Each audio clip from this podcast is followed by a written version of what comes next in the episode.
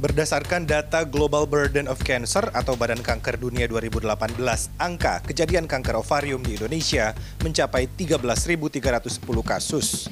Kanker ovarium juga menempati urutan ketiga kasus kanker terbanyak pada perempuan setelah payudara dan leher rahim. Sementara tingkat kematian kanker kandungan setiap tahun diperkirakan ada 7.842 perempuan meninggal dan mewakili 4,34 persen kematian dari total kasus akibat kanker pada laki-laki dan perempuan. Dokter spesialis kandungan dan kebidanan sekaligus guru besar onkologi FKUI RSCM, Andriono mengatakan standar emas pengobatan keganasan pada ovarium selain metode operasi adalah kemoterapi. Kemoterapi merupakan bentuk pengobatan menggunakan obat-obatan untuk membunuh atau menghambat pertumbuhan sel kanker. Prosedur ini bisa dilakukan sebelum operasi untuk mengecilkan ukuran sel kanker sehingga lebih mudah diangkat atau setelah operasi untuk membunuh sel kanker yang masih tersisa. Kita berikan kemoterapi pada tumor-tumor yang respon terhadap kemoterapi. Dan ada syarat-syaratnya lagi selain itu juga kemoterapi diberikan pada penyebaran yang letaknya jauh. Karena kemoterapi masuk dalam darah, sehingga dia bisa menjangkau uh, tumor-tumor uh, yang jauh dari dari sentralnya. Jadi misalkan penyebaran ke paru, penyebaran ke ke mana aja gitu ya, biasanya kemoterapi akan menjadi uh, pilihan utama. Menurut Profesor Andriono, tumor ganas ovarium yang paling sering ditemukan sekitar 60-75 persen adalah kanker ovarium jenis epitelial. Jenis kanker ini terjadi pada permukaan sel yang melapisi indung telur bagian luar dan biasanya menyerang perempuan usia lanjut antara 50 hingga 70 tahun. Bentuk karsinoma ini ada yang dinamakan serosum dan musinosum.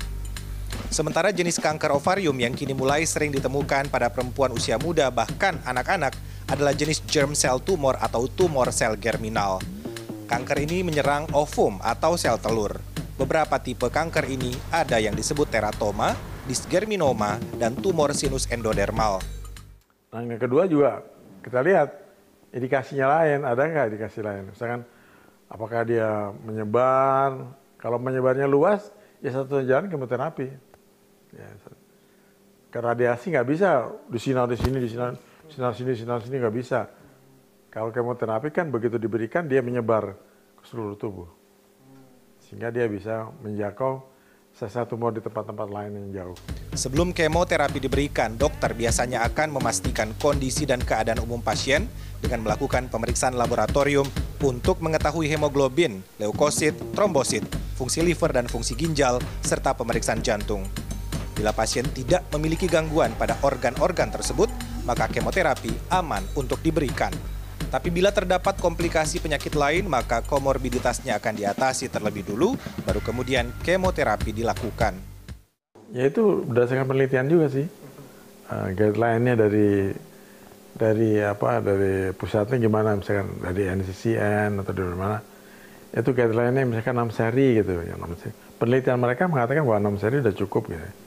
Gitu. 6 seri itu maksudnya berapa? Satu seri, satu siklus itu tiga minggu. Oh, satu siklus tiga, tiga minggu. ya. Berarti enam siklus itu? Ya, enam siklus kemudian ya. Setelah proses kemoterapi selesai, dokter akan memonitor apakah sel-sel tumor sudah bersih dari tubuh penderita atau belum dengan MRI atau PET scan. Kalaupun masih ada sisa, kemoterapi dapat dilanjutkan dengan pemberian tiga siklus. Efek samping pasca menjalani kemoterapi masih menjadi kekhawatiran sebagian pasien. Dr. Andriono menambahkan biasanya setelah kemoterapi, pasien akan mengalami mual dan muntah, serta menurunnya nafsu makan sehingga terjadi penurunan berat badan. Tapi ada juga yang mengalami kenaikan berat badan karena pasien lebih bisa menerima kondisinya setelah dikemoterapi. Efek samping lainnya yang bisa terjadi adalah kerontokan rambut. Hal ini terjadi karena kemoterapi menyebabkan sel-sel muda di rambut mati. Tapi biasanya regenerasi sel akan cepat terjadi sehingga rambut dapat tumbuh kembali. Keberhasilan proses kemoterapi tergantung pada beberapa faktor. Faktor yang pertama adalah stadium kanker. Semakin tinggi stadium kanker, maka peluang sel-sel kanker untuk merespon terhadap kemoterapi semakin kecil. Begitu juga sebaliknya. Yang kedua adalah jenis kanker. Kan ada beberapa jenis kanker yang sensitif terhadap kemoterapi dan ada juga yang tidak. Yang ketiga adalah status gizi pasien. Biasanya dokter dapat menganjurkan pasien mengonsumsi makanan bergizi terutama daging merah untuk menaikkan kadar hemoglobin yang turun setelah proses kemoterapi. Dan yang terakhir dan yang paling penting adalah perhatian dan dukungan dari keluarga serta orang terdekat agar proses pemulihan pasien lebih mudah. Arman Helmi, Galuh Prestisa, Jakarta.